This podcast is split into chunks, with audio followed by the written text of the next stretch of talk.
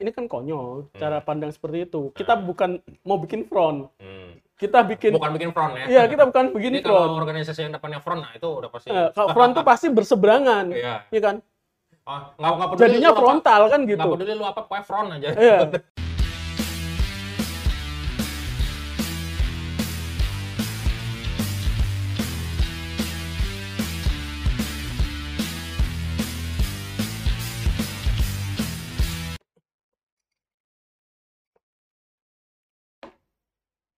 Oke guys, jadi hari ini gua kedatangan bintang tamu spesial ya. Eko Nugroho. Jadi gua udah kenal beliau nih ya, udah cukup lama dari zaman gua masih SMP lah ya waktu itu kayaknya. Jadi dulu waktu kecil gua juga udah merantau ke Jakarta. Kelas satu itu. ya? Iya, dari kelas 1 SMP gue udah merantau dan gue satu kos sama dia. Dan gue ngekosnya itu justru di sekretariat organisasi mahasiswa ya waktu itu. Dan dia ketua umumnya dan waktu itu gue masih sekolah gitu loh. Nah, jadi bisa dibilang Eko Nugroho ini apa ya, nggak cuma senior ya, tapi eh kakak gue lah, brother from another mother ya gitu. Jadi, jadi Beda bapak. jadi mungkin 15% diri gue nih yang ada sekarang itu terbentuk karena dia gitu loh. Pas. Karena didikan dia. itu. Tanggung jawab. Nah, ya. iya, nah jadi eh, lama nih nggak ketemu ya, malah ngumpulnya di sini. Mau ngobrolin apa kita nih ya? Jadi hari ini pas banget ya momen lagi pilkada ya kan? Oh, iya. Jakarta nggak dapet sayangnya. Nah, nggak dapet ya. Padahal kita pengen banget tuh ganti. Nah oke, kita jangan ke situ, bahaya, bahaya, sensitif. Nah, eh, lu sekarang kesibukannya apa sih? Gitu. Susah banget ditemuin nih. Ini kan COVID, bro. Lagi covid, Santai aja lah di rumah. Netflix, Jangan cari penyakit. nonton Netflix, Bukan, nggak pernah. oh, baca buku, buku, terus eh, browsing lah pastilah. browsing. Terus ngerjain orderan desain. Oh kerja ada kerjaan freelance ya Hmm. untuk desain. Terus Ya, ya seperti sehari-hari gitu. Bantuin istri di rumah. yang bantuin istri ya oke yang gua tahu lo dulu kan aktivis sejati nih yang gua tahu kan lo orang kalau bisa dibilang kalau di Bali ada Jering di Pulau Jawa ada Eko Nugroho lah ini galak-galak banget nih soalnya dulu paling lantang kalau menyuarakan aspirasi eh, suara dari kalangan bawah terutama kalau ada problematika sosial lah begitu ya Hmm. nah lo biasanya kan yang selalu bersuara nah apakah Eko Nugroho ya yang dulu gua kenal ini sama dengan yang sekarang gitu? Ruangnya beda ya. ruangnya beda Tapi kalau mungkin lebih banyak waktu itu ya kapasit karena kapasitas saya, kapasitas saya sebagai aktivis di himpunan mahasiswa Buddhis mewakili komunitas mahasiswa Buddhis Indonesia kan gitu. apa Hikmah Budi ya? Himpunan mahasiswa Buddhis Indonesia, Indonesia. Nah, Ya karena mewakili komunitas ini, saya harus bersuara atas nama komunitas Buddhis pada hmm, waktu itu. Dalam banyak aspek hmm, sosial, politik, hmm, segala hal lah. Eh, kemudian mau nggak mau itu harus bersuara kritis. Hmm, dalam artian bukan sok kritis ya itu jadi tugas intelektual kita sebagai aktivis kan gitu. Oh. Jadi dari jam lu sendiri sebetulnya bukan orang Jakarta kan ya? Lu hmm, Semarang. orang Semarang tapi eh, ke Jakarta Hmm. waktu itu jadi ketua umum ya waktu itu Ketua ya? umum. nah eh, ketua umum Hikmah Budi. Kemudian sekarang kerja di mana?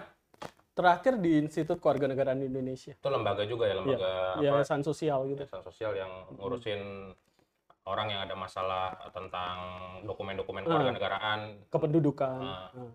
Nah, kita kayaknya ini deh apa nggak tahu saya berkali-kali pindah sejak dari ketua umum Hmm. lalu kerja itu kerja nggak nyari nih Hmm, tapi selalu dapat peluangnya di urusan sosial hmm, kebetulan aja ngurusi kepentingan komunitas, kepentingan masyarakat kayak gitu-gitu. hmm, Jadi eh, jadi dunia aktivis sosial tuh nggak putus gitu. hmm. Itu beruntung sih. Merasa karena Eh, passionnya di situ kebetulan Betul. dan dapat tempatnya. Nah, itu aja sih. emang emang udah passionnya ya di Iya. situ emang apa habitatnya lah di situ ya. Iya, betul. Emang di iklimnya iklim sosial cocoknya gitu kan. Kalau gue juga dulu sebetulnya kan belajar ngikut lu kan dari kecil belajar jadi aktivis bahkan sampai cukup ekstrim juga gue jadi aktivis kan tapi akhirnya begitu eh, lulus kuliah gue banting setir ke dunia profesional. Akhirnya sekarang gue kerja. Dan sebetulnya eh, apa ya yang lu ajarin dulu dan yang gue dapat dari organisasi juga berguna sih sampai terhadap perkembangan karir gue jadi sebetulnya ya Nggak sia-sia lah ya. sia-sia juga gitu loh. Lu, lu waktu masa muda jadi aktivis organisasi ya kepake juga lu. Mau ke sosial mau ke profesional Oh iya, jelas. mau ke bisnis mau akademisi kan kepake juga gitu. Waktu sorry ya tak potong. nah Jadi keingat waktu habis dari ketua umum Hikmah Budi itu selesai dari sana gue langsung direkrut apa eh, yayasan sosial dari Korea waktu gempa di Sumatera Barat. hmm, yang gue jadi direktur operasionalnya untuk bangun banyak rumah di sana, ratusan rumah waktu itu. tahun berapa tuh Pas gempa Padang itu berapa tuh? 2009 ya, 2009 berarti saya masuk proyeknya itu 2010 2011. Hmm. Hmm.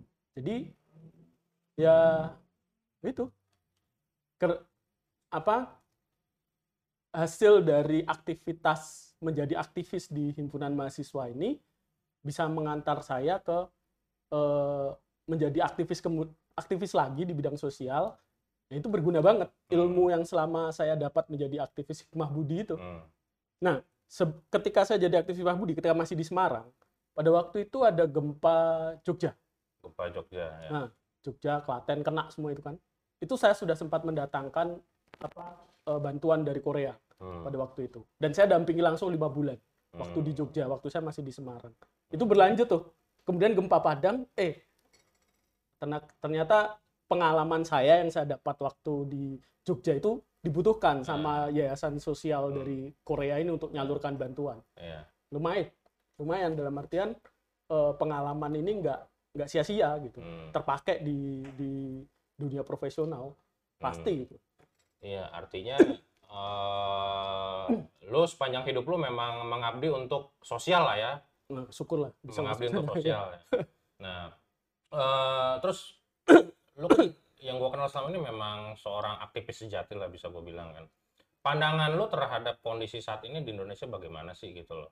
Pasti lu kan punya nih sudut pandang seorang ekonogroho melihat kondisi sosial yang terjadi atau sosial politik lah yang sedang eh, Hmm. terjadi di negeri ini begitu kan?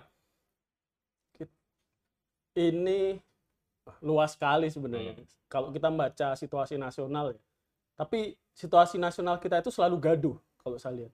Gaduh, oke. Gaduh. Gaduh politik identitas itu yang yang yang jadi yang mewarnai ya, seolah-olah yang mewarnai negara ini adalah gaduh politik identitas. Hmm, Ini benar-benar menyebalkan sebenarnya. hmm, Harusnya kita ini kan sedang bangun ya, hmm, sedang bangun negara ini, sedang mengejar apa pertumbuhan ekonomi, pemerintah sedang me- memperkuat apa eh, ketahanan poli, apa sosial masyarakatnya hmm, supaya masyarakatnya berpendapatan apa cukup ya. Eh, tantangannya banyak. Lalu kita dihantam sama Covid. hmm, Ini semua kena, ya hmm, kan? Seluruh dunia kena. Indonesia juga termasuk. hmm, Tapi tetap saja di tengah kondisi kita terpuruk karena COVID, isunya tetap gaduh politik identitas. Ini konyol sekali gitu. Bukannya fokus bagaimana membangun, membenahi ini. Sepertinya memang ada yang sengaja mengkondisikan situasi kegaduhan ini. Ini Ah. ini kita panas terus ini. Justru kasus pen- penanganan COVID-nya ini sendiri dipolitisir lagi. Waduh, hmm, Kan gitu. Oke. Ini menyebalkan sekali. Jadi Bukannya kita gotong royong nih bangun Iya, kita kita hadapi COVID ini bareng-bareng lalu kita keluar dari masalah ekonominya, multidimensinya lalu jadi negara yang pemenang gitu, ngelawan ngelawan pandemi gitu. sebelum COVID aja kita udah terkotak-kotakan begitu Ah, ya iya. dengan berbagai kepentingan dari berbagai kelompok sehingga menyebabkan terhambatnya kemajuan negara begitu kan. Ada pandemi justru harusnya kompak malah tercerai-berai Nah. begitu kan, malah dipolitisir lagi kayak yang tadi lo bilang kan. Artinya apa sih penyebabnya? Apakah itu memang karakter bangsa ini gitu loh, karakter orang sini yang memang suka eh, apa namanya, yang nggak bisa bersatu atau bagaimana? Harusnya sih enggak ya. Kita ini plural dari dulu. Betul. Kan kita sudah sadar nih, Ah. kita dengan ribuan pulau, dengan apa ribuan suku, bahasa. Kita sudah punya deklarasinya Sumpah Pemuda jadi satu dan sebagainya. Dulu nggak kayak gitu kok. Hmm. ketika misal saya hidup di ke- beruntung di tahun 90-an eh, menikmati masa muda di masa 90-an sampai sekarang ini perubahan politiknya kan terasa semua tuh Hmm. dari zaman Soeharto reformasi dan seterusnya kan saya ngikuti terlibat bahkan di Hmm. di prosesnya itu harusnya nggak ada masalah. Tapi Hmm. kemudian setelah reformasi sepertinya ada gejolak orang-orang yang yang selama ini dibungkam, tidak menyuarakan identitasnya, Hmm. mungkin juga terpengaruh politik luar negeri sudah pastilah Hmm. politik luar Ya negeri ya, ya. masuk kemudian ini direproduksi di Indonesia orang-orang tahu Indonesia punya potensi segala macam Hmm. ekonomi pasar dan Hmm. sebagainya Hmm. Hmm. mineral kekayaan alam dan sebagainya ini seksi nih buat dikuasai Hmm. oleh banyak pihak Hmm. investasi asing dan sebagainya. Nah, ini bisa dikuasai kalau kondisi negaranya kacau. Hmm. Itu kita harus belajar dari situ.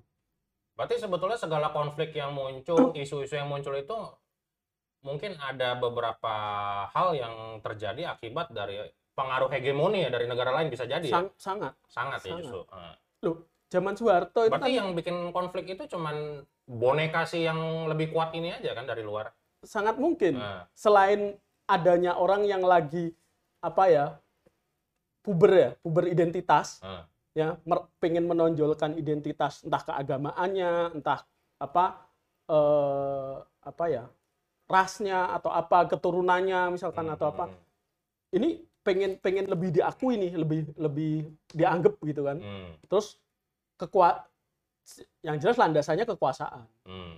nafsu kekuasaan ini. Kan Kalau- kalau dulu Nah. ada saya pernah dengar ya yang sumber perpecahan itu ada tiga kan. Hmm. Harta, tahta, wanita. Nah, ini apakah tiga aspek ini oh itu selalu apa itu, itu itu tiga ini termasuk wanita juga yang menyebabkan ini wanitanya siapa tapi yang bikin, bikin pecah ini? yang jelas kalau misalkan pemimpin negara kita itu santun santun Kalau kemarin nggak ada yang yang punya skandal skandal Hmm. perempuan loh pemimpin Hmm. negara kita dan maksudnya orang misalnya presiden gitu kan Hmm. punya skandal karena perempuan gitu terus negaranya jadi kacau kan nggak ada ya Hmm. kayak gitu cukup apa negarawan kita tuh bener-bener punya batas yang moralitas yang oke lah. Ya tapi ya di luar itu banyak kan kegaduhan yang ditimbulkan tokoh-tokoh yang yang sebenarnya syahwatnya urusan tiga tadi harta tahta wanita ya lalu mengkacaukan negara hanya untuk memuaskan ini. Ah, karena kepentingan keserakahannya gitu. Ah. eh kasus terakhir aja lah misalkan.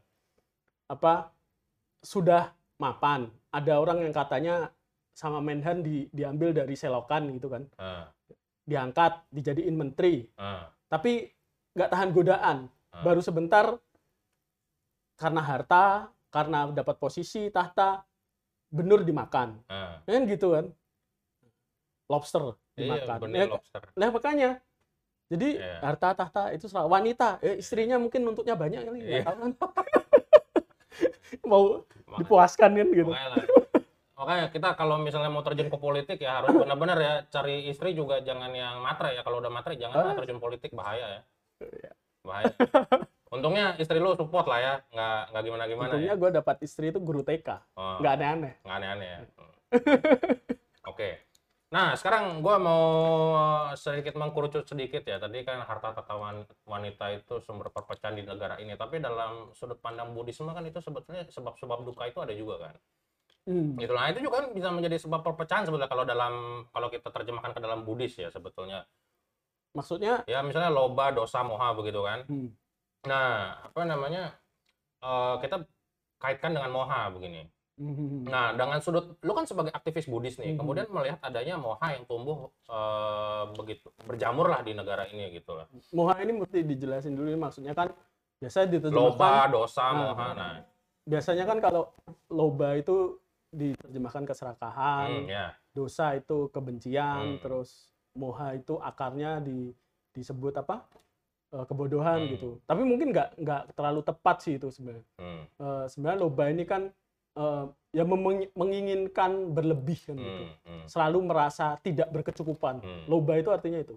Hmm, selalu merasa tidak berkecukupan. Su- ya seperti itu koruptor kan. Hmm, sudah kaya sebenarnya. Semua koruptor yang ditangkap itu orang kaya lah. Ya kan? Orang kaya punya jabatan. Tapi rasa perasaan tidak berkecukupan ini. Nah level rasa tidak berkecukupan sih nggak cuma ada di koruptor. Kita kita juga banyak yang merasa nggak ke- berkecukupan. Hmm, gaji udah lumayan masih kurang kan Hmm. gitu Nah, akhirnya istri sudah satu kurang kan akhirnya poligami kan gitu. Hmm. sehari-hari kondisi kita seperti itulah. Lalu loba dosa. Kebencian sebenarnya nggak tepat juga. Kita nggak benci-benci banget lah. Misalnya ini ada pisang goreng karena agak pahit sedikit kan artinya bukan saya benci pisang goreng yang pahit kan gitu. Hanya ya menolak. Iya. saya menolak yang pahit kan gitu. Tapi bukan benci kan? Hmm. benci kan ekstrim kesannya kan saya nggak suka nih? gitu. Iya. saya benci sama lu gitu. Hmm. Ya, itu kan perasaan yang terlalu kuat kan? Ini ini perlu loh. Hmm. masyarakat kita ini komunitas kita ini yang Buddhis ini kadang-kadang keliru ngerti gitu. Hmm, hmm, hmm, jadi yang dosanya sebenarnya kan cuma sekedar ya penolakan. Itu sifat dasar kita gitu. Itu alamiah saja. Yang namanya apa kita nggak bisa kok duduk terus dalam posisi ini. Sebentar kemudian pegel kita ah, ganti posisi. Itu penolakan tuh dosa itu. Jadi gitu jadi serba nggak pas itu hmm, nah, lalu moha. Moha itu sebenarnya cuma keliru ngerti. Hmm, bukannya bodoh hmm. pak cara memahaminya tidak tepat gitu.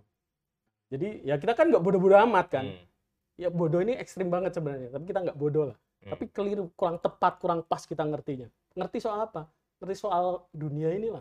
Kita menganggap semua ini harus diperjuangkan dengan segala sesuatu nafsu dan sebagainya itu jadi keliru kita ngerti ke kondisi ini. Hmm, dikira dengan mendapat sekian banyak kita akan bahagia. Hmm. padahal nggak juga. Tolak ukur Iya, kebahagiaan to- itu iya. kan bukan dari apa yang kita dapat tapi dari Iya, pikiran kita kalau kan? kalau dari yang apa yang kita dapat pasti nggak akan pernah bahagia. Hmm, karena nggak akan cukup. Hmm. nah oke. Tadi lanjutnya apa? Nah, sekarang jadi tadi gue sempat mau narik lagi ke diri lu bahwa dulu dulu kan jadi ketua umum organisasi ya Hmm. bisa dibilang lu punya masa banyak Hmm. begitu kan pasti eh lu mau mengerahkan masa untuk menyuarakan suara juga pasti eh, gerakannya lumayan besar dan lu pasti juga akan didekati dong oleh para pemangku kepentingan saat itu yang berkuasa dirangkul. Nah, lu sendiri apakah bisa bersih dari itu semua begitu? Karena kan lu pasti akan bergaul sama orang-orang ini gitu loh. Lu sebagai ketua umum yang punya masa, kemudian lu- kan pasti akan bersuara untuk eh, Hmm. berhadapan dengan yang berkuasa ini dong. Dan Hmm. mereka mungkin akan mendekati lu, menyuguhi lu sesuatu, merangkul lu. Nah, Hmm. dalam isu tertentu apakah lu pernah eh, mengendurkan suara lu gitu? ada sih beberapa kesempatan gitu seperti yang lu bilang eh, ada yang dalam isu tertentu kemudian mendekati kita yang aktivis gitu kan. Hmm. waktu dulu saat misal demo BBM ya waktu zaman SBY kan saya aktifnya ketika zaman SBY berkuasa tuh. Hmm, hmm, kenaikan harga terus penerapan gas Hmm. LPG waktu itu.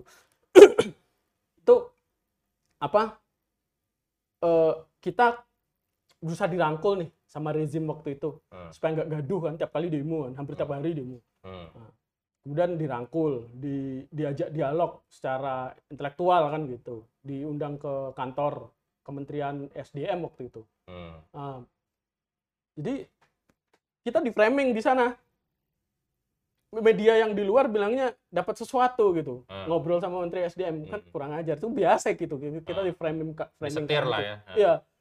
padahal nggak ya keluar besok kita demo lagi kok Hmm, nggak ada urusan gitu hmm, karena kita benar-benar mau mau mau menegaskan bahwa kebijakannya ini nggak tepat gitu. Hmm, kurang mungkin momentumnya kurang tepat ketika ekonomi sedang lesu dan sebagainya. Kita bukan bukan nolak sama sekali misalkan situasinya kayak gitu kan. Kenaikan harga kan ini waktu itu kita ngotot buka dong hmm, cara ngitung BBM lu gimana sih? Hmm, masuk akal nggak sih hitungannya? Bener nggak harganya segitu? Karena kami ketemu tuh banyak pakar pakar energi kan dan ahli ekonomi termasuk waktu itu zaman itu ada Pak Kui yang punya kalkulasi. Pak and Kiangi. Gi. Nah, Ah, terus oke. gua ketemu sama eh, ekonom aktivis ekonom eh, Bung Edi Burmansyah dia ahli kal- tahu dia cara kalkulasi energi dan sebagainya. Banyak lah banyak pihak kita diskusi. Bahkan termasuk orang dalam Pertamina kita beberapa kali ketemu.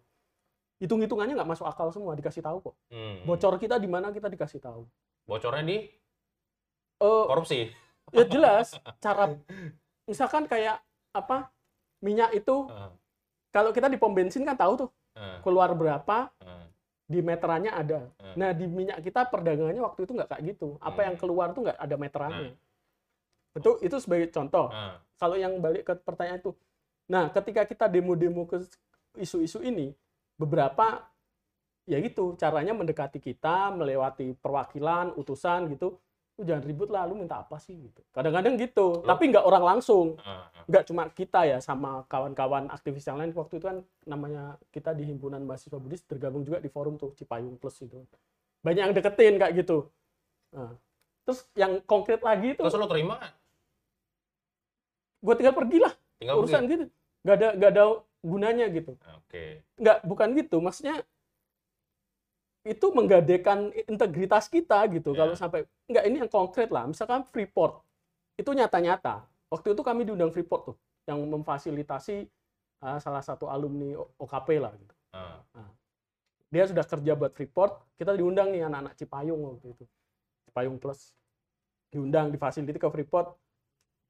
Kita terima diundang ke Freeport diajak lihat gasbrook diajak lihat tambangnya dan sebagainya di sana.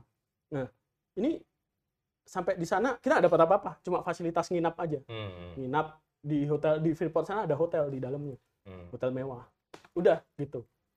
Eh, kemudian waktu itu nggak mereka mainnya cantik. Mereka nggak kasih apa-apa ke kita. Hmm, pada waktu di sana hmm. sama sekali.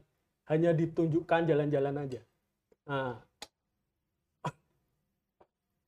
Pulang dari sana baru kita diajak makan lagi di restoran mewah di Jakarta Hmm.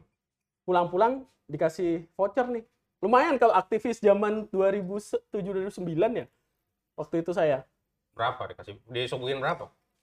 ketua umum paling tidak dapat 10 juta voucher belanja di apa Carrefour Hmm. gue bisa beli kulkas tuh bisa Hmm. ngisi kos-kosan gue barang-barang yang lumayan itu Hmm. dengan uang 10 juta voucher 10 juta Lo, terus to- lo tolak sek- gitu? sekjen gue dapat 5 juta kalau nggak salah Ditawarin, bukan dapat. bukan dikasih Dikasih. diamplopin Ah. di saat itu juga habis selesai makan-makan Nah, kalian terima nggak? langsung gue balikin gue bilang sekjen gue Sukman waktu itu Ah. bro balikin aja Ah. apa ini Iya. terus balikin iya. saat itu juga lain ha- lain hari berikutnya beberapa minggu kemudian pas jatuh mau hari raya atau tahun baru gitu dikirimin lagi tuh kurirnya ke sekretariat kirim amplop juga ya gue coba pulang juga Ah. Jadi sampai saat ini Eko Nugroho tetap eh, apa ya teguh ya menjaga idealismenya, integritasnya ya. Jadi Mo- waktu zaman aktivis dulu mau ada yang mencoba merangkul segala macam lu tolak ya. moga-moga moga-moga ya Hmm. sampai sekarang sih Sampai sekarang belum belum pernah gue sampai terima hal-hal semacam itu sih hmm, itu karena apa ini perlu karena gue masih tanggung jawab nih hmm, sama adik-adik kita di. Hikmah Budi sama lu lah misalkan nah ya.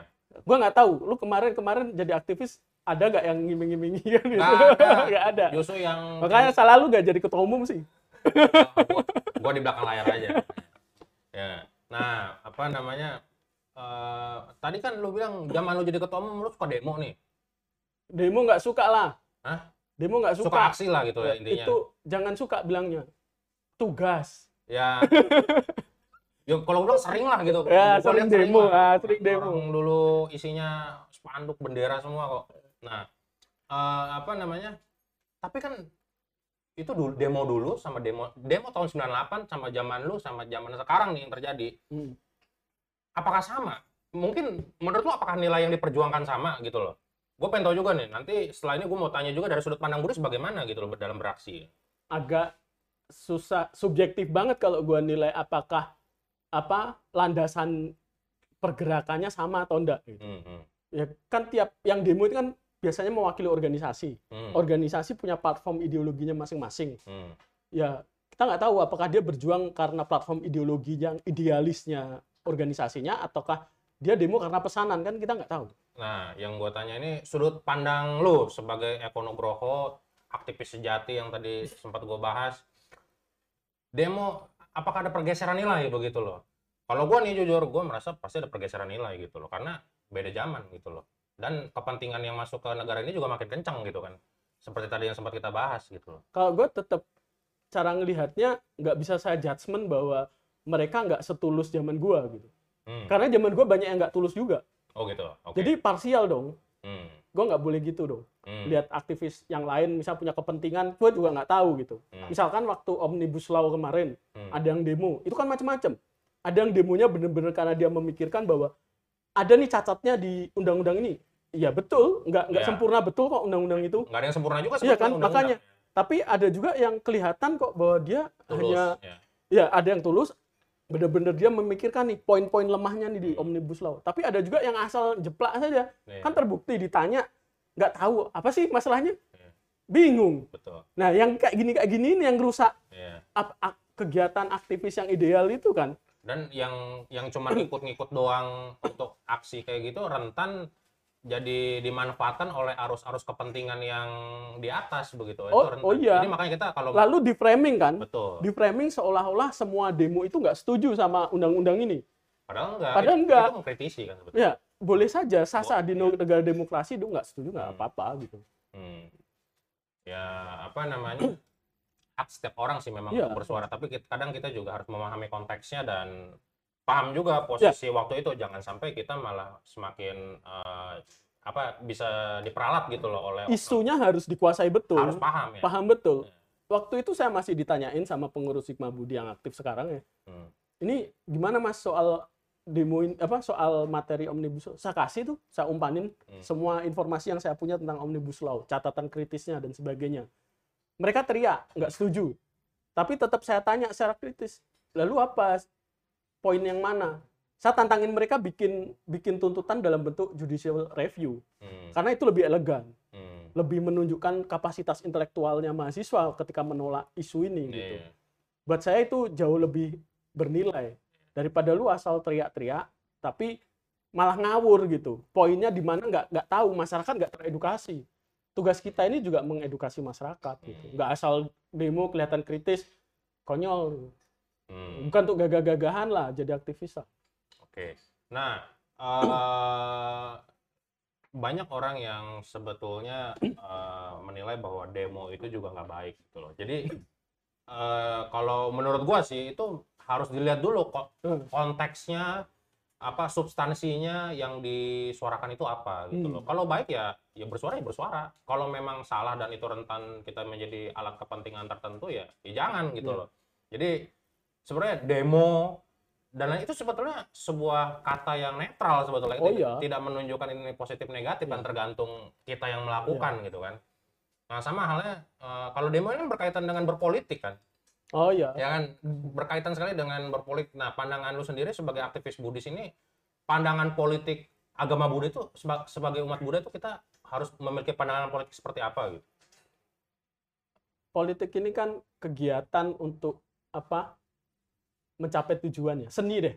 Nah, biasa kita ngomonginnya ini sebagai seni deh. Hmm, itu supaya lebih luas ya. Seni untuk apa eh, kemudian mencapai sebuah tujuan hmm, kemudian juga di sana ada unsur kekuasaan biasanya. Karena dengan berkuasa kita bisa me- men- mendrive tujuan yang kita punya nih. Hmm, lalu mencapai hasil yang kita harapkan kan gitu. Hmm, karena kekuasaan ini punya punya power untuk menggerakkan sesuatu kan gitu. Hmm, intinya kan di sana nih aktivitasnya. Hmm, kalau kemudian kita sebagai seorang Buddhis ini eh, terlibat di ruang ini, hmm, ya boleh-boleh saja, kenapa tidak gitu. hmm, Kita gini deh, kan kita ngomongin politik itu nggak bisa lepas dari kekuasaan, hmm, setuju dong. ya,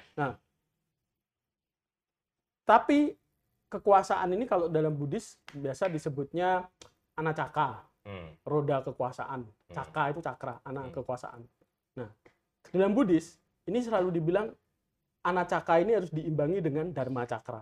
hmm, roda dharma supaya kalau kereta ini nggak pincang nih hmm, imbang Hmm. roda kekuasaan diimbangi roda dharma hmm, jadi makanya kalau seorang Buddhis mau berpolitik nggak boleh lepas nih dharma cakranya hmm. Landasannya. ya? landasannya roda rodanya jangan satu aja jangan Iya. roda kekuasaan aja tambah kanannya roda ini Hmm. dharma harus syaratnya ini ini saja sih kalau kalau seorang Buddhis mau terjun nah dharma cakra ini apa Buddha Buddha itu orang yang terlibat di banyak politik loh Hmm. ini kontroversial gua, gua jarang orang ngomong Ya, gue juga setuju. Se- Sebenarnya kan gue juga sosok kontroversial karena lu juga lu ngajarin gue kan. Nah, Iya. Kayak misalnya Sriwijaya nih. Sriwijaya itu kalau nggak berpolitik juga nggak bakal bisa jadi kerajaan yang adidaya jam pada zamannya kan gitu loh. Iya. Majapahit, Ki- kita nggak usah ngomong jauh ke Asoka lah. Ya oke, ke mana? karena justru langsung ke sosok Budanya nih. Hmm, Nah, kan kalau mau langsung nih ke sumbernya, oke. Hmm, Bu- Buddha itu pangeran kan konon kan. ya. Nah, pangeran, anak kepala suku, anak anak raja lah Hmm. gitu kan. Nah, di tradisi India pada masa itu, ya dia di Nepal sih ya, anak anak raja di Nepal. Nah, Nepal India kan dekat. Pada waktu itu namanya raja itu selalu punya penasehat para kaum Brahmana, Hmm, ya kan? Namanya anak raja pasti dididik ilmu kepemimpinan hmm, ilmu bagaimana mengatur kekuasaan dari kecil sampai remaja sampai dia dewasa. Nah, jadi mereka belajar dari Weda Semerti pasti. hmm. Dari, dari waktu itu ajarnya kan Weda. Sebelum dia mencetuskan idenya sebagai Buddha kan gitu. Iya. Nah, calon Buddha kan.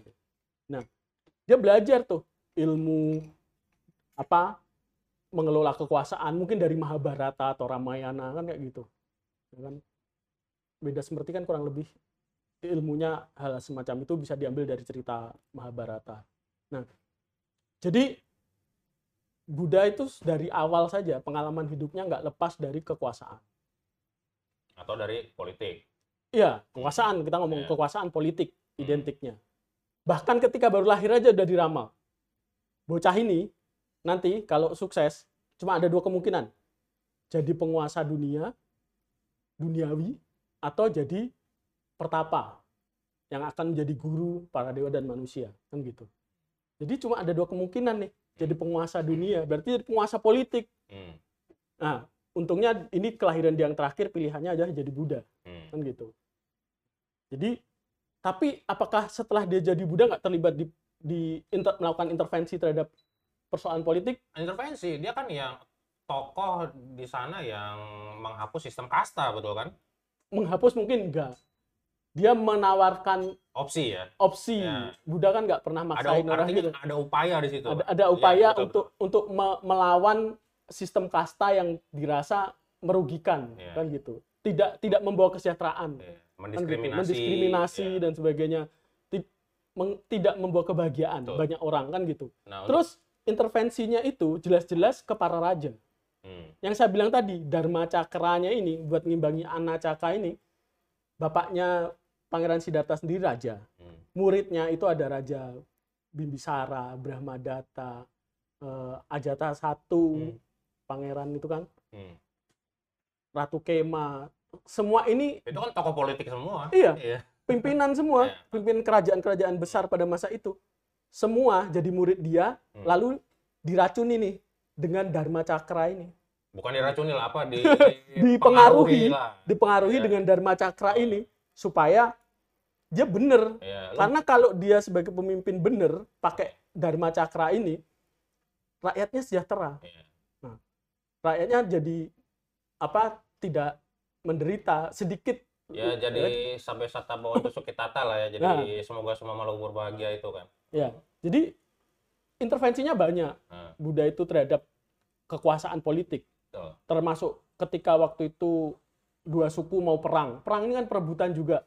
Iya, Buddha iya. hadir di tengah-tengah menghentikan. Antara suku apa itu? Eh, ya pokoknya ada ya. ada dua suku di situ mau berebut kekuasaan mau perang di situ Hmm. Buddha hadir tapi akhirnya mencegah perang. ya. Hmm. Nah, Ya. ini kan bagaimana kemudian Dharma itu harus hadir demi kebahagiaan semuanya kan gitu. Hmm. Nggak boleh saling menghancurkan kan gitu. Iya, Politik identiknya biasanya akan berkuasa dan saling menghancurkan. iya. Tapi bisa juga jadi positif, ya kan? Nah, ketika misalkan kemudian berlanjut ke Asoka. Hmm. Dulu Asoka itu penguasa doyan perang, suka menaklukkan kerajaan lain. Iya. Lalu dia insaf lah ketemu biku kan gitu. Sebelum mengenal Buddha Dharma ya. Nah, Nah, setelah dia kenal Dharma, dia insaf kan. nah, Dia sadar bahwa ini bukan jalan yang baik itu. hmm, Lalu dia pakailah Dharma ini untuk untuk meng- mengelola kerajaannya, kekuasaannya. hmm, Kesejahteraannya terkenal sampai hari ini. hmm. Nah, pilarnya roda dharmanya itu saja bahkan di India sampai dijadikan simbol negara kan. hmm. Itu kehebatannya dharma ini kalau benar-benar diterapkan di dalam ruang politik itu bisa membawa kesejahteraan, kemakmuran. hmm. Jadi poinnya gini deh. Apa pun motivasinya, apa apa pun ruangnya, termasuk politik, kita bergerak di sana, cita-citanya harus hanya satu, untuk kebahagiaan semua makhluk. Hmm. Harus itu targetnya. Tidak merugikan yang lain, memberi manfaat ke yang lain. Hmm. Itu saja sebenarnya, Itu baru politik sehat. baru. Nah, tapi kalau bicara politik identitas, politik kepentingan dan keuntungan dan lain sebagainya, itu baru berseberangan ya dengan tujuan Oh, tadi. sud- ya, Hmm. iya. Artinya politik ini sebetulnya netral kan. Oh Kalau- iya. Kalau diibaratkan ya kayak apa ya? Kayak pisau lah. Misalnya ini kan di belakang kita ada kafe nih kan. Hmm. Nah, jadi pisau ini bisa dipakai untuk masak kan berguna, positif. Bisa dipakai untuk bunuh juga kan. Hmm. Nah, jadi politik itu netral sebetulnya. Tergantung, nah dengan kita dari kacamata Buddhis ya kita harus menggunakan pisau atau politik ini untuk hal yang berguna gitu kan. Iya. Nah, Iya. karena Ya itu, sama dengan ekonomi kan. hmm, Ekonomi bisa jahat ketika dia menghabisi hutan di Kalimantan, Hmm. hutan di Papua, berapa banyak Hmm. makhluk hidup mati kan? Iya. Nah, apa terjadi climate change gara-gara Hmm. orang meram- menghabisi hutan kan Hmm. dan sebagainya. Motivasinya apa? Ekonomi, iya, uang, loba. Kekayaan Iya. kan gitu. Nah, jadi jadi jahat kan ekonominya Iya. karena tidak peduli dengan lingkungannya. Politik kalau dia hanya mementingkan diri sendiri, pengennya pokoknya berkuasa, yang lain biar hancur semua, yang penting saya menang sendiri, ya jadi jelek politiknya. Hmm. Hmm. Tapi kalau politiknya kembali ke Dharma Cakra tadi, urusan ini kalau saya berkuasa, saya terapkan ini menjadi hal yang baik, memberi manfaat ke banyak orang. Nah, itu Hmm. Contoh deh, gini satu kebijakan gubernur, Hmm. misalkan satu kebijakan gubernur dulu di Jakarta, misalkan eh, dengan Kartu Jakarta Pintar. Nah, yang sederhana-sederhana itu Ya, kan, Kartu Jakarta Sehat. oh. atau ya, kis kartu Indonesia Sehat sekarang, ya. ya Berapa juta orang itu kena dampak positif kan? iya Berman- bermanfaat. ya? sekali satu kebijakan saja Iya. jutaan orang langsung dapat manfaatnya. Ya. Itu itu penggunaan kekuasaan dengan tepat sesuai dharma kan gitu Hmm. itu yang sederhana sederhana saja Hmm, betul. Setuju, setuju. Oke, eh, pertanyaan selanjutnya adalah gua gua mau balik lagi ke yang tadi ya Hmm. soal masalah negeri ini sebetulnya sering terpecah belah karena masalah politik identitas ya kan. Hmm. Nah, sementara ada beberapa orang atau kelompok yang merasa secara eh, pemikiran mereka bahwa mereka itu minoritas gitu loh. Hmm. Sehingga ah kita minoritas, ngapain lah ikut berpolitik seperti itu, begitu ngapain sih bersuara? Nah, Hmm. pandangan lu bagaimana gitu? Untuk keluar dari mindset itu. oh ini bisa digali dari dari sudut pandang ajaran Buddha juga tuh Hmm. jangan meremehkan eh, kebaikan hanya karena dia jumlahnya kecil Hmm. itu ada di Dhammapada itu Hmm. karena dari kebaikan ini walaupun kecil dilakukan sedikit sedikit sedikit dia akan membuahkan kebahagiaan pada akhirnya Hmm. Jadi orang-orang baik, walaupun jumlahnya dikit, anggaplah kalau kita berharap umat Buddha ini isinya orang-orang baik, dia punya apa kebaikannya dari apa komunitas Buddhis ini terus dikembangkan akan memberi pengaruh positif. Hmm. Nah, kalau orang-orang baik di komunitas Buddhis ini yang punya landasan dharma yang baik, terlibat dalam politik, menggunakan dharma ini, dari yang sedikit ini bisa mempengaruhi menjadi perubahan yang baik, itu Hmm. menjadi yang besar. Jadi jangan karena kita sebagai Buddhis jumlahnya minoritas, lalu kita merasa minder, enggak. Ini cara berpikir sempit, Hmm. ya. Ini ini justru bertentangan dengan spirit bodhisattva. Hmm. Di Buddhis ini kan ada yang namanya spirit bodhisattva ya Hmm. makhluk-makhluk yang mem- yang punya cita-cita ingin menolong semua makhluk Hmm. kan gitu Hmm. Dia satu orang loh bodhisattva ini tapi dia pengennya bisa menolong banyak orang Hmm. itu kan satu orang ini kan minoritas Hmm. tapi cita-citanya begitu gede Hmm. gitu jadi jangan meremehkan sebagai minoritas Iya.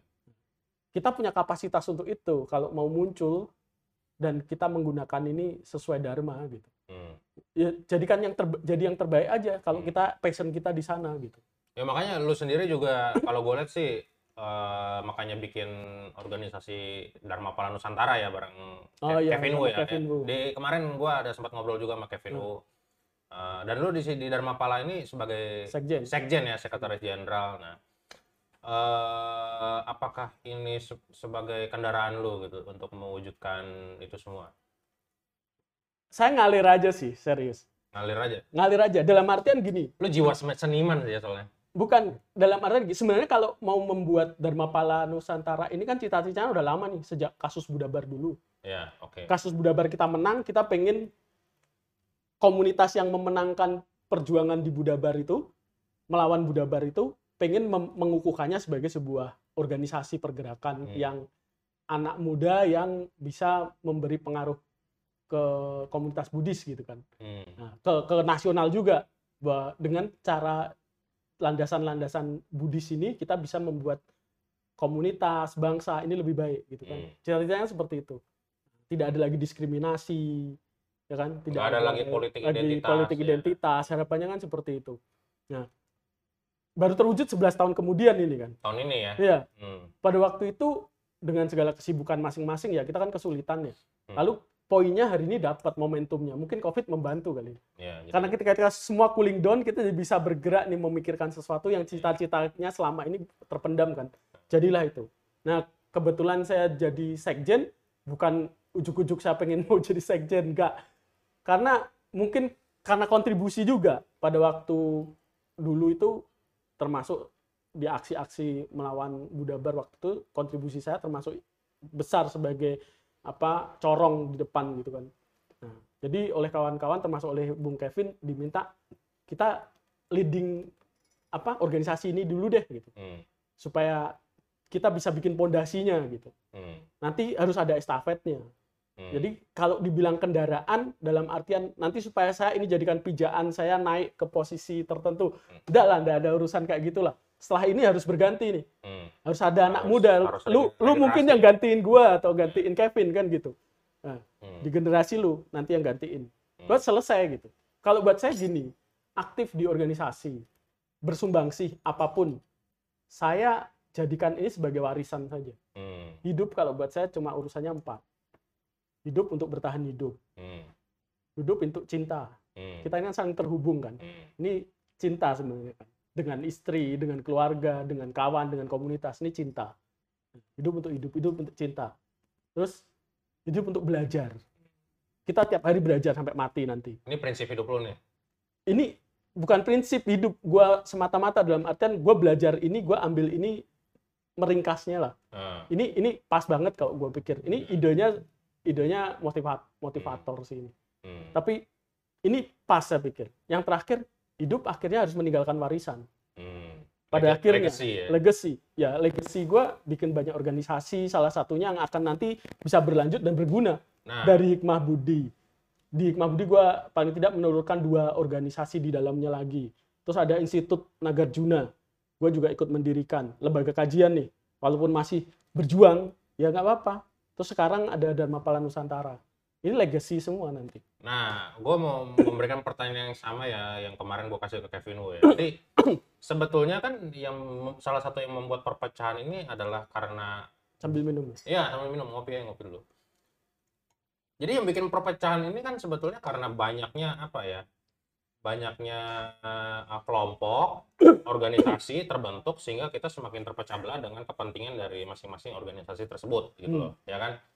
Nah, di tengah ini dengan adanya politik identitas, kepentingan dan lain sebagainya, lu bikin organisasi lagi nih. Tadi udah banyak tuh yang lu bikin kan. Bukannya itu malah semakin memecah belah gitu loh. Mhm. Akan semakin menyulitkan, akan semakin memperkeruh kondisi yang saat ini. Atau lu punya sudut pandang lain, tujuannya kenapa lu bikin organisasi? Karena karena kan udah udah banyak nih, gitu loh. Kalau memperkeruh itu kalau memang tujuan organisasinya untuk bikin keruh. Nah, Loh kita bikin cerah kok, pengennya kok. hmm, Ini tuh. Organisasi yang kita bikin itu kan sebenarnya hanya kanalisasi. Kanalisasi aspirasi dari orang-orang tertentu. Yang lebih cocok ngumpulnya di sini. hmm, Kan gitu aja, sederhana kok.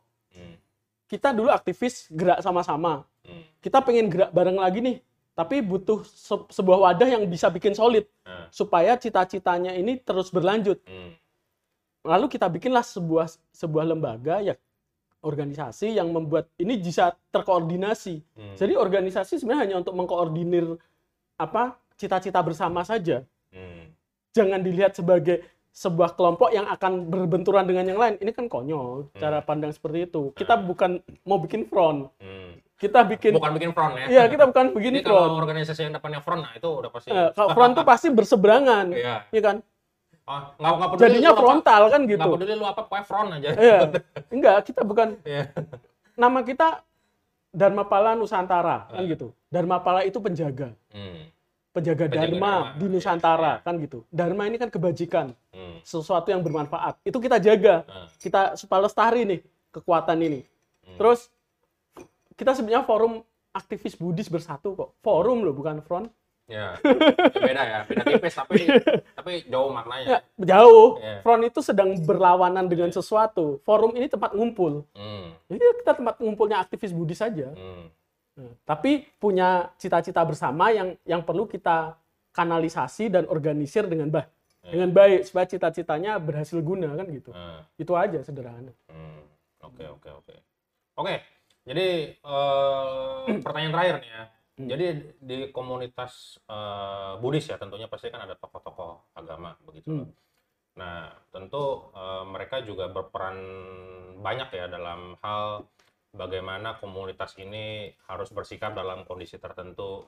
Nah pandangan lu sendiri secara pribadi sebagai Eko Nugroho yang menurut gue ini aktivis sejati yang gue kenal dari kecil, bagaimanakah tokoh-tokoh agama Buddha ini harus eh, memposisikan diri dan bersikap gitu loh Bersikap terhadap Terha- terhadap eh, kondisi sosial yang sedang terjadi begitu loh. ya Karena kan harus sebetulnya agama Buddha ah. ini kan agama sosial kan sebetulnya gitu loh. ya agama untuk manusia gitu. Untuk Iya. manusia yang masih hidup. Nah menurut Bukan manusia yang mimpi nanti mati dapat surga gitu bukan. ya, Manusia yang menghadapi hidup. Agama Buddha ini agama yang orang harus berani menghadapi hidup hmm, dan punya toolsnya untuk menghadapi hidup yang up and down. hmm, Agama Buddha harus seperti itu. Nah, kalau sebagai tokoh agama harusnya dan ladani Buddha saja sih. Hmm. Buddha itu yang perlu diteladani apa sih attitude-nya? hmm. Kepedulian. Hmm. Itu saja. kepedulian sosial, Kepedulian terhadap everything. penderitaan. Ya, everything oke. Dasarnya duka kan Duka. gitu. Nah, Buddha itu sosok yang peduli terhadap duka. Hmm, Duka dalam artian kita ini sama-sama makhluk yang mengejar kebahagiaan, hmm, tidak ingin menderita. Kan gitu. Nah, penderitaan ini ada di mana-mana. Dalam berbagai level. hmm, secara individual sampai secara sosial kan gitu nah sebagai tokoh Buddhis mestinya kepedulian ini harus selalu punya ketika negara sedang kacau gaduh peduli bagaimana membuat negara ini berkurang kegaduhan hmm. kan gitu lalu Karena mereka tokoh ya, bukan di tataran individu Iya. lagi ya, tapi udah tataran Terus- lebih luas. iya terus melihat masyarakatnya ini cara berpikirnya masih puritan tidak maju tidak berkembang harus peduli bagaimana mencerdaskan masyarakatnya Hmm, dalam hal aspek apa wawasan, pendidikan dan Hmm. sebagainya kan gitu. hmm, Jadi perlu peduli dalam setiap urusan ini. hmm, Kondisi negara kita ini masih amburadul secara ekonomi. hmm, Kita dukung supaya pemerintah bisa membangun dengan baik Hmm. kan gitu. Negara ini masih banyak koruptor. Komunitas ini harus kritis, hmm, harus ta- apa ikut terlibat membantu negara ini supaya koruptor berkurang misalkan. Ya mendidik anak muda supaya punya mental yang baik, tidak Hmm. jadi koruptor nanti ketika dia Hmm. sukses. Nah, jadi kepedulian ini yang yang harus dipunyai untuk semuanya. Iya. Ini menarik loh. Waktu itu 2011 ya Januari. Hmm. Bante Panyawaro itu kan sama tokoh-tokoh agama yang lain, Buya Syafi'i Ma'arif, hmm, terus Romo Franz Magnis dan Hmm. sebagainya tokoh-tokoh itu itu beliau walaupun nggak individu Bante ya Hmm. tapi bersama-sama kolektif tokoh-tokoh agama ini mengkritisi pemerintahan SBY yang belum memenuhi janji-janjinya Bante aja, Bante terlibat loh di sini eh, Bante Panya ya. iya tapi kita kan tahu Bante nggak terlibat di politik apa pun bukan anggota partai apa pun. Tapi ini suara moralitas. Hmm, seperti Buddha waktu itu Ada- ada mengingatkan ya? ya waktu Buddha mengingatkan raja supaya menerapkan dharma dalam pemerintahannya. Hmm, Bante sedang peduli terhadap keadaan negara lalu melakukan koreksi terhadap pemerintahan yang belum men- menunaikan janjinya. Hmm, ini loh kepedulian seperti ini. Ini perlu diteladani. Ada ada contohnya gitu. Hmm. Walaupun waktu itu kontroversi ya karena belum dewasa komunitas kita untuk melihat situasi Ya masih dini juga lah Indonesia Iya. dalam berdemokrasi. jadi Hmm. itu kepedulian Hmm, poinnya di situ yang harus diteladani dari Buddha kepedulian terhadap penderitaan Hmm. dalam segala aspeknya Oke. Hmm, jadi kalau gue simpulkan ya kepedulian itu harus ditumbuhi ya dalam diri kita, tapi kalau tergantung kapasitas masing-masing juga tentunya ya. Iya. Kalau kalau misalnya lu nggak sanggup eh, atau merasa belum sanggup untuk ke tataran yang lebih luas ya, at least lu jangan bikin gaduh gitu Ah, kan. iya. Ya itu ru- rumusnya. Iya. Kalau bisa memberi manfaat, kalau kalau tidak bisa jangan merugikan. Iya. Minimal itu aja. Iya, setuju, setuju. Ya tapi dari tadi kita ngobrol berat banget ya. Jadi karena memang sebetulnya pembawaan gua santai, tapi karena ini yang gua kedatangan bisa dibilang apa ya senior gua, jadi dan gua tahu dari dulu memang dia eh, wawasannya luas dan setiap diskusi memang selalu serius ya kita bahkan dulu kita sampai subuh ya sering hampir setiap hari ngobrol hal, -hal serius Udah jarang gua sekarang. udah jarang ya Udah jarang. sejak merit ya Ya, ya apa namanya eh semoga spirit Ekonogroho ini bisa eh, menyebar ya eh, untuk kita semua bahwa kita itu harus memiliki kepedulian sosial yang luas. Eh, terlepas dari itu semua, eh, thank you banget nih ya udah datang. Thank you juga diundang. Eh, apa namanya? Nanti kita dengan kesempatan ngobrol-ngobrol lagi. Oke? Oke. Oke. See ya. Thank you.